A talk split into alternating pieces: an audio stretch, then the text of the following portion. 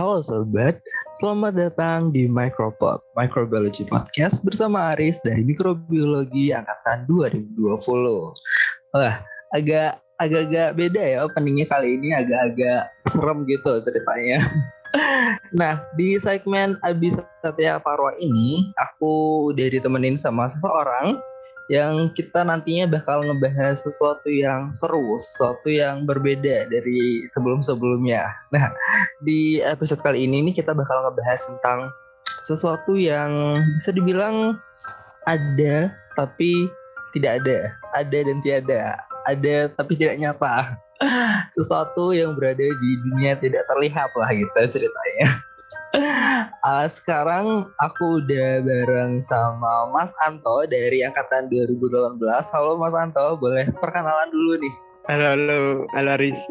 Uh, halo semuanya, uh, nama aku Anto dari Mikrobiologi angkatan 2018, asli Jogja. Wah, ini gimana nih kabarnya Mas? Kan udah mau UTS. Eh, angkatan atas masih UTS ya? Uh, masih masih masih. Oh wah, lagi bentar ya UTS ini. semangat semangat kita harus semangat. Nah, uh, buat teman-teman yang mungkin belum familiar ya sama Mas Anto, Mas Anto ini adalah salah satu um, bisa dibilang pakar ya atau orang yang sudah berpengalaman di dunia tak mata ini bisa dibilang. nah, uh, Mas Anto sendiri uh, gimana nih? Apa namanya? Uh, kapan sih Mas Santo tahu uh, kalau Mas Santo itu bisa dibilang peka gitu lah terhadap sesuatu yang tidak terlihat itu? Oke, uh, mungkin aku mulai dari awal mulanya aja ya. Boleh boleh Mas. Mula ceritanya itu aku dari kecil tuh uh, kayak suka ngobrol sendiri gitu loh. Ngobrol sendiri, kadang uh, ngobrol sama lukisan atau sama album foto gitu-gitu loh. Ya mungkin dikiranya kayak ya namanya anak kecil mesti kayak biasa gitu ya punya teman imajinasi atau ngobrol sendiri gitu. Uh, cuman setelah itu uh, kadang tuh aku suka kayak ngomong uh, kejadian yang belum terjadi. Kayak semisal pernah nih ada kejadian uh, ini aku diceritain sama ibuku ya. Soalnya aku juga agak gak inget sih. Kayak semisal ada aku lihat mobil nih di jalan. Melihat mobil terus aku tiba-tiba nyeletuk kayak ih bu ini bu mobilnya uh, ini kecelakaan nih. Nah tiba-tiba uh, entah kenapa kayak bener kecelakaan gitu loh setelah diomongin gitu. Itu terus uh, aku itu punya rumah di daerah uh, Jogja Utara. Uh, namanya mungkin orang-orang Jogja pada tahu sih ini namanya daerah Rumah Jambusari. Nah, di situ itu aku punya rumah, satu rumah. Uh, rumah pas kecil gitu dari kecil. Itu pernah tuh malam-malam jam berapa ya? Aku agak lupa sih. Well, udah malam gitu, ya udah pada tidur jadi kayak uh, tidurnya masih ya satu kamar gitu kamar agak gede gitu. Aku ibu bapak sama kakakku. Kakakku perempuan. Nah, itu kita berempat tidur satu kamar nih ceritanya. Satu kamar ya udah biasa kan ya kalau semisal mau apa namanya udah pada tidur kan ruang-ruangan yang lain pada dimatiin nih lampunya ceritanya. Nah ceritanya itu pas itu uh, kamar yang tempat aku tidurin itu nggak dimatiin. Jadi kayak lampu ruangan luar kamar itu aja yang dimatiin. Nah itu pernah aku bangun benar-benar bangun benar-benar melek gitu.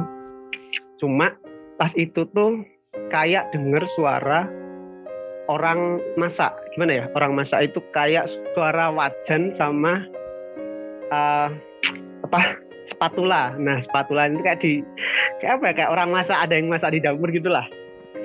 Masak di dapur malam-malam itu aku cuma cuma diem di kamar, cuma kayak melek posisi tiduran melek. Nah, kebetulan tuh posisi pintu kamarku tuh ada di uh, jadi kita misal nih kita tidur uh, tidur biasa nah itu posisi uh, pintunya itu ada di depan kaki depan kaki gitu loh kayak di agak ya gimana kayak kepala kaki nah itu pintu nah gitu pintu kamar. Nah pas aku ngelihat pintu kamar itu kayak tiba-tiba setelah ada itu ya setelah ada kayak suara orang masak terus ada suara kayak orang ngambil jadi di, di kamarku tuh di depan kamar habis itu ke kiri itu ada dapur sama ada toilet. Nah di toilet itu kayak dengar ada suara apa? Kayak ada suara air air kayak gemercik air atau kayak apa ya kayak ada yang mainin gayung air gitu. Setelah itu pas aku uh, melek agak ngelihat ke arah pintu tiba-tiba tuh kayak ada uh, apa ya kepalanya tuh kayak naga cuma bad, uh, badannya tuh kayak ular gitu loh. Itu uh, dan dia ngeluarin dari mulutnya tuh kayak keluar kijing. Kijing tuh kayak batu nisan. Nah itu. Itu uh, batu aku aku inget banget sih itu. Itu uh, ngeluarin batu nisan gitu kayak melayang gitu. Ya namanya naga ya. Itu kayak melayang gitu ngeluarin apa ngeluarin dari mulutnya batu nisan gitu. Terus aku refleks teriak. Aku refleks teriak. Teriaknya tuh kayak susah gitu loh. Susah gitu. Akhirnya ibuku bangun terus aku minta tolong ibuku ngecek gitu ngecek tapi pas itu yang bangun cuma ibuku sih. Malam-malam itu ngecek. Ngecek. Aku agak lupa sih. Terus ibuku balik-balik kamar tuh kayak ngom cerita apa aku lupa sih. Kayak habis ngecek tuh apa kayak ada apa-apa itu aku lupa gitu. Terus itu kejadian aku SD kelas 1 atau TK aku lupa sih. Nah terus uh, setelah itu pas SD-nya nih. Pas SD-nya itu yang aku inget ada kejadian uh, pas itu kondisi malamnya itu mati lampu mati lampu Nah itu kebetulan uh, udah SD jadi kamarnya itu udah mulai dipisah. Nah jadi uh, pas itu kan mati lampu. Nah ayah bapakku tidur di depan kamar, di depan kamar dan yang di kamar itu cuma aku, ibuku sama mbakku. Kondisi mati lampu. Jadi pas zaman itu kayak masih cuma lilin gitu loh. Tahun 2000 berapa ya? Mbak satu itu 2000 hmm, 2004 lah, 2004 2003 gitu Nah itu uh, pas itu sama sih posisi pintunya masih di bawah kaki gitu loh kayak kita tiduran terus kaki nah terus depan itu ada pintu nah pas itu malam-malam aku tidur terus entah kenapa aku tuh kebangun dan aku ngelihat ke arah pintu. Nah aku emang dari dulu tuh dari kecil aku tuh suka uh, nyembunyiin bonekanya kakakku. Jadi tuh entah kenapa aku tuh kayak nggak suka sama boneka gitu loh. Kayak ngelihat boneka tuh kayak serem gitu loh boneka. Tau lah ya mungkin yang uh, yang cewek uh, boneka yang kayak dikasih baterai gitu loh kayak boneka bukan ya bukan Barbie kayak boneka ya perempuan gitu kasih baterai nanti dia bisa jalan gitu kayak ada rodanya di bawahnya gitu nah terus uh, sama boneka yang kayak kalau dikasih dot atau dikasih apa nanti bisa merem sama melek gitu loh. Nah, itu aku gak suka gitu loh kayak boneka-boneka gitu. Terus sok-sok aku uh, ngumpetin bonekanya tuh kayak di bawah, kayak di bawah tak posisiin uh, tidur misal di kolong lemari lah, di kolong kursi dan lain sebagainya gitu loh. Kayak aku tuh nggak mau lihat gitu loh. Saya kan uh, dulu tuh kayak aku punya uh, lemari, lemari itu isinya tuh kayak mainan-mainanku sama mainan kakakku gitu. Nah, mainan kakakku yang boneka boneka itu suka aku singkirin gitu loh biar gak kelihatan nah pas itu pas mati lampu tuh tiba-tiba aku melek nah aku ngelihat di pintuku tuh ada boneka ada dua boneka dua boneka cewek itu lagi yang satu lagi ketawa-ketawa yang satu itu lagi gantung diri. Eh, gimana ya? Gantung diri itu kayak ya boneka itu kayak dia nali nali uh, lehernya sendiri tuh sambil ketawa-ketawa gitu loh dua boneka itu. Itu aku inget banget sih. Habis itu walaupun posisi itu ya mati lampu ya karena kan pakai lilin ya jadi kayak nah kebetulan lilinku lilinku tuh ditaruh di atas lemari gitu loh. Nah di deket pintu tuh ada lemari. Nah jadi kayak agak kelihatan banget gitu loh. Habis itu aku nggak bisa pertama aku nggak bisa gerak sih ya kayak tindian gitulah. Nah terus aku pelan-pelan bisa ngerakin jariku. Nah kebetulan aku itu aku posisi tidurnya itu ada di kasur bawah. Nah, ibuku sama mbakku di kasur atas, tumpuk gitu kasurnya. Uh, nah, terus kebetulan tangannya ibuku itu dari kasur atas tuh kayak gantung. Jadi kayak tangannya tuh ke bawah tuh loh ke kasur yang bawah. Nah terus aku mulai gerakin jari pelan-pelan. Terus aku uh, mulai menyentuh tangannya ibuku terus kayak tak aku lupa antara tak jarinya tak tarik atau tak cubit gitu loh jarinya ibuku. Terus ibuku bangun langsung ngekep apa langsung uh, meluk dari atas gitu loh kayak nutupin aku biar aku nggak lihat bonekanya terus setelah itu aku bisa pas itu susah banget sih baca doa serius. Habis itu uh, setelah ibuku meluk aku nah terus tiba-tiba bonekanya itu itu kayak ter, terjun kayak apa ya kayak mereka dari atas pintu tuh langsung turun turun ke bawah lari. Nah terus yang kan ada yang nih ceritanya yang tadi gantung diri. Nah gantung diri itu dia nyopot kepalanya badannya jatuh terus kepalanya itu ikut jatuh gitu loh. Terus sumpah sih banget terus mereka lari keluar. Lari keluar. Nah larinya itu ke ke arah bapakku gitu lah pokoknya. Terus aku nggak tahu langsung udah agak lupa aku langsung tidur lagi gitu. Disuruh tidur lagi. Uh, setelah itu uh, paginya paginya itu berangkat sekolah kan itu kan malam ya. Paginya itu berangkat sekolah. Nah uh, seingatku setelah itu berangkat sekolah pakai mobil. Nah tiba-tiba itu uh, mobil mobil apa namanya mobilku tuh kayak macet macet di tengah jalan gitu loh. Tengah jalan terus habis itu aku sama mbakku itu uh, turun dari mobil terus disuruh naik becak atau apa gitu. Kan pas dulu masih itu ya masih ada kayak becak gitu kan ya masih sering dipakai. Nah uh, ke sekolah. Nah kebetulan sekolahku tuh deket sama rumahku. Jadi kayak Jambu Sari itu utaranya sekolahku. Sekolahku namanya SD Muhammadiyah Jalan Catur pas dulu. Nah di situ uh, seingatku ibuku cerita tuh pas lagi bongkar mobilnya itu ternyata itu ada bonekanya tak kenapa boneka itu bisa di mobil gitu loh. Habis itu udah akhirnya dibuang. Dibuang terus uh, uh, udah yang cerita versi yang boneka itu udah sampai situ. Terus uh, mungkin agak panjang sih. Setelah itu aku juga pernah kayak jadi uh, pas itu berangkat sekolah berangkat sekolah naik mobil juga. Nah itu naik mobil itu jadi kalau aku mau keluar perumahanku itu tuh nyebrang ke arah SD ku tuh ngelewatin ring road. Nah tahu lah ya kalau di ring road kan banyak tuh apa namanya uh, billboard billboard gitu yang papan gede banget gitu. Nah pas itu di papan itu ada lihatku ya, selihatku tuh ada kayak uh, orang yang gantung diri. Jadi kayak pertama aku kira itu manekin. Ya, maksudnya mungkin uh, kayak bentuk protes atau demo atau apalah ya pas dulu zaman apa kayak pemilihan presiden atau apa gitu. Kan aku nggak ngeh ya pas waktu kecil. Nah itu tuh tak kira manekin pertama. Tak kira manekin uh, aku masih inget sih. Itu kayak dia kayak nah apa gantung diri gitu. Tapi pas tak lihat lagi itu kayak bukan manekin kayak beneran orang gitu loh kayak beneran orang tapi kayak udah kurus pucet gitu lah pokoknya. Itu di atas billboardnya gitu. Kayak ya ya ya kayak bunuh diri gitu lah kayak gantung diri gitu. Tapi pas aku ngomong ke kayak ngomong ke ibuku aku ingatnya ngomong ke ibuku sama kakakku apa ya aku lupa.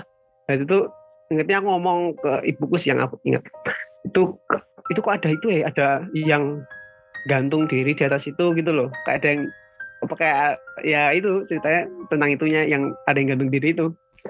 Tapi pas ibuku kayak nanggepinnya tuh kayak gak ada apa-apa kok gitu loh. Kayak aku tuh kayak di apa ya namanya juga anak kecil lah ya. Kayak dianggap seharian gitu. Tapi sebenarnya buku tahu gitu loh. Memang ini anak kayaknya peka dari kecil gitu loh. Itu cerita pas SD gitu. Mungkin segitu aja dulu ya mas ceritanya. Kayak kayak kalau dibuka semua nih teman-teman pada merinding semua. Jadi aku aja denger beberapa cerita tuh dulu. Udah kayak wah udah aku benci aku benci boneka aku benci pintu. Buat teman-teman di sini yang dengerin ini ya kalau tidurnya kalian masih kakinya ada pintu itu tolong berhati-hatilah selanjutnya. Oke mas, nah mas mas sendiri pernah nggak sih kayak ngelihat uh, apa sih namanya kayak penunggu rumah gitu, penunggu yang ada di rumahnya mas sendiri? Pernah. itu wujudnya itu berwujud manusia atau gimana?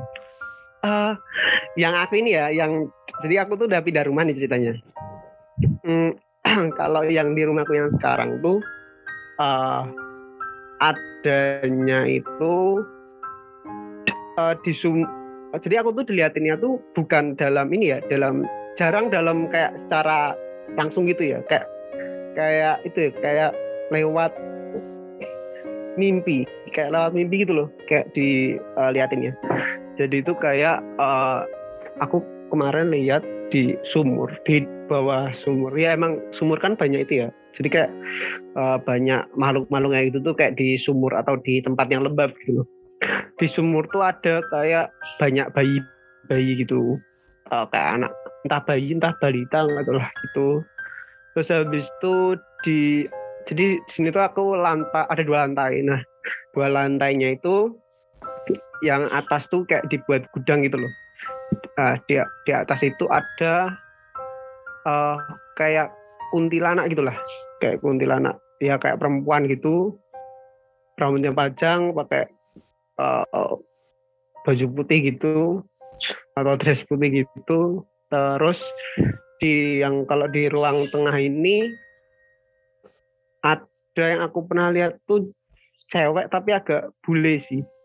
Entah itu ikut entah itu uh, yang dari sini atau dia ikut dari lemarinya. Jadi ada kayak lemari eyangku di sini tuh. Nah entah ikut di lemarinya eyangku atau uh, dari rumah ini nggak juga sih tuh. Soalnya bule sendiri bule terus habis itu ada uh, anak kecil anak kecil uh, ada anak kecil. Rame ya mas? Rame ya?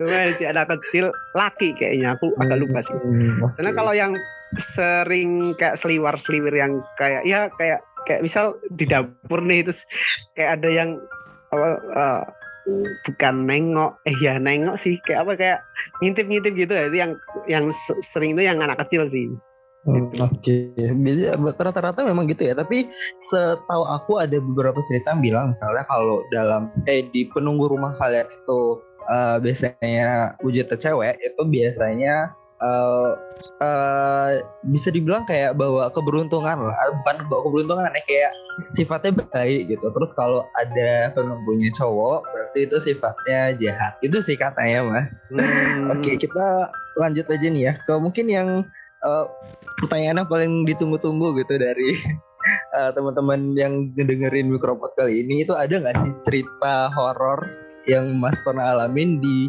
mikro atau nggak di Vaperta gitu di ya seputaran daerah-daerah di sana? Pernah, pernah di itu. Uh, yang pertama mungkin di MMA.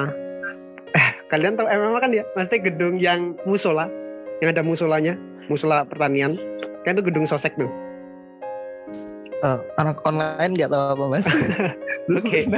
itu jadi ada gedung namanya gedung uh, eh, MMA Sosek. Nah, itu di lantai tiga di ruang pokoknya ada ada tiga ruang tiga ruang kelas yang anak S1 uh, jadi setelah naik tangga itu belok kanan. Nah di belok kanan itu ada tiga kelas kanan satu kiri satu terus ada yang ujung satu. Nah aku tuh pernah lihat yang di sebelah kiri. Jadi kayak kita naik tangga terus kita belok ke kanan.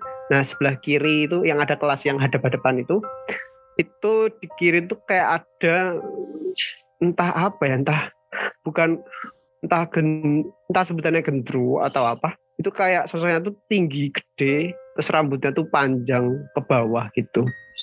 Uh, pakai aduh aku lupa sih kayak baju tapi baju itu kayak nggak kayak nggak jelas kayak entah kotor entah warnanya gelap gitu lah pokoknya. Itu sih itu di kursi paling belakang yang aku lihat sih kayak kan kalau kita mau kelas cerita nih kita kelasnya di ujung kan pasti ngelewatin kelas yang depan-depan ini. Nah itu aku pas ngelirik ke kiri loh kok ada itu? Gitu.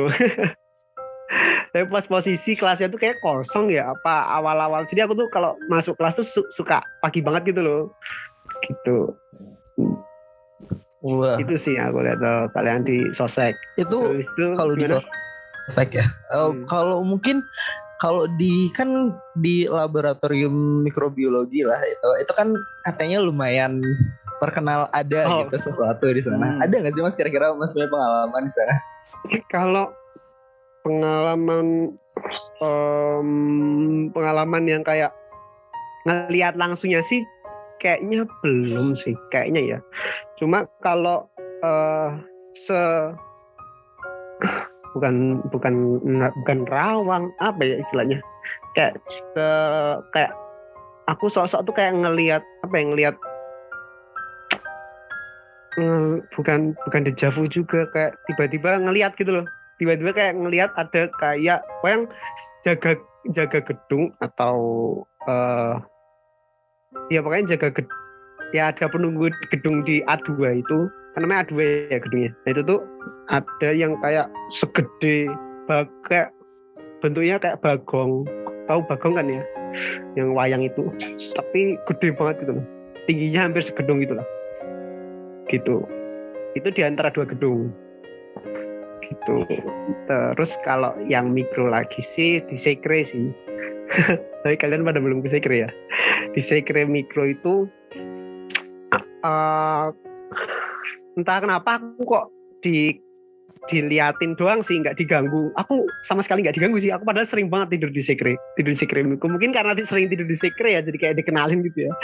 Jadi kayak tiba-tiba tuh aku malam tidur. Malam malam tidur di ini di rumah sih posisi di rumah. Tapi tiba-tiba tuh aku eh, mungkin kalian tahu istilah kayak astral projection gitu ya. Nah tiba-tiba itu kayak aku tuh di sekre. Nah di sekre itu langsung malam-malam tuh jadi kan gelap ya kondisi sekre. Malam-malam nah aku tiba di sekre terus pas buka pintunya tuh ada jadi di sekre itu ada lemari. Ada lemari isinya tuh kayak ah macam-macam barang itulah. Nah di atas lemari itu ada atas lemari ada mbak-mbak terus habis itu uh, di atas jadi di sekre itu ada uh, nah, mungkin Fadil tahu ada ini uh, tempat tempat piala kayak piala-piala atau ada kenang-kenangan dari buat dosen itu juga ada di situ. Uh, terus kayak ada piala sama kayak ya yang apa ya yang pernah buat pajangan gitulah. Nah itu di atas itu tuh juga ada yang duduk gitu. Aku lupa sih. Cewek juga apa ya. Gitu. Terus sama di meja yang di sekre itu di bawah meja di bawah meja yang kayu kayu yang jadi ada kayu ada meja ada dua meja nih di sekre. Dua meja itu satu komputer nah satu itu biasanya meja buat eh or Allah yang kita jualan itu yang jualan biasa anak-anak pada jualan snack-snack tas dulu itu. Nah itu meja yang ada kacanya nah itu itu di bawahnya tuh ada itu karena eh, gimana ya kar- karena tuh setiap kita nonton horor tuh aku kayak ngerasa pan bukan panas ya kayak ya panas sama merinding itu di bagian kiriku nah karena kita nonton kita nonton di komputer kan nonton horornya di komputer. Nah sebelah kiriku itu meja itu meja yang ada kacanya itu gitu. Wah, ternyata ternyata Sekre Mikro selain nyimpan barang-barang buat eh, keperluan kita, ternyata nyimpan sesuatu yang tidak terlihat juga ya. Jadi buat teman-teman selanjutnya ini yang mau bersih-bersih eh, Sekre, tolong diperhatikan tempat-tempat yang disebutkan. Bisa jadi kalian adalah yang selanjutnya untuk menemukan sesuatunya itu. Biasa banget deh Eh, pengalaman-pengalamannya Mas Anto nih. Oke Mas, ini terakhir udah mungkin ya. Eh, Mas itu waktu ngelihat tuh takut nggak sih sama hal-hal yang gitu? Eh, ya kalau pas waktu kecil sih sempet sih takut. Jadi kayak ya kalau misal lihat kayak gitu kayak kayak dia kan kayak langsung ahli pandangan kalau nggak langsung lari gitu loh. Gitu. Sosok misal di rumah nih kayak ada ruangan yang kosong pas aku ngelewatin nah tiba-tiba kayak ada sosok apa gitu nah aku kayak udah siap-siap lari gitu loh kalau ngelewatin ruangannya yang kosong itu. Terus eh, mungkin ya pertama kayak itu sih kayak kaget ya kayak ya emang biasa sih kaget suka, suka kayak diem loading gitu loh kayak apa ya itu? Gitu loh gitu sih. Kalau sekarang sih udah kayak ya udah biasa udah biasa sih. Udah udah biasa ya udah keseringan oh. ya mas ngeliatnya. Oh sih. Udah biasa. ada mungkin mungkin mas ada nggak sih pesan buat buat apa namanya kayak buat teman-teman yang dengerin ini? Ada nggak sih pesan kalau mereka tuh bisa lihat gitu uh, apa sih yang harus dilakukan gitu ya uh, ya berdoa aja. Berdoa dikasih yang terbaik sama Allah. Udah okay, sih nggak usah okay. takut lah nggak usah takut. Nah oke okay, mantap mantap.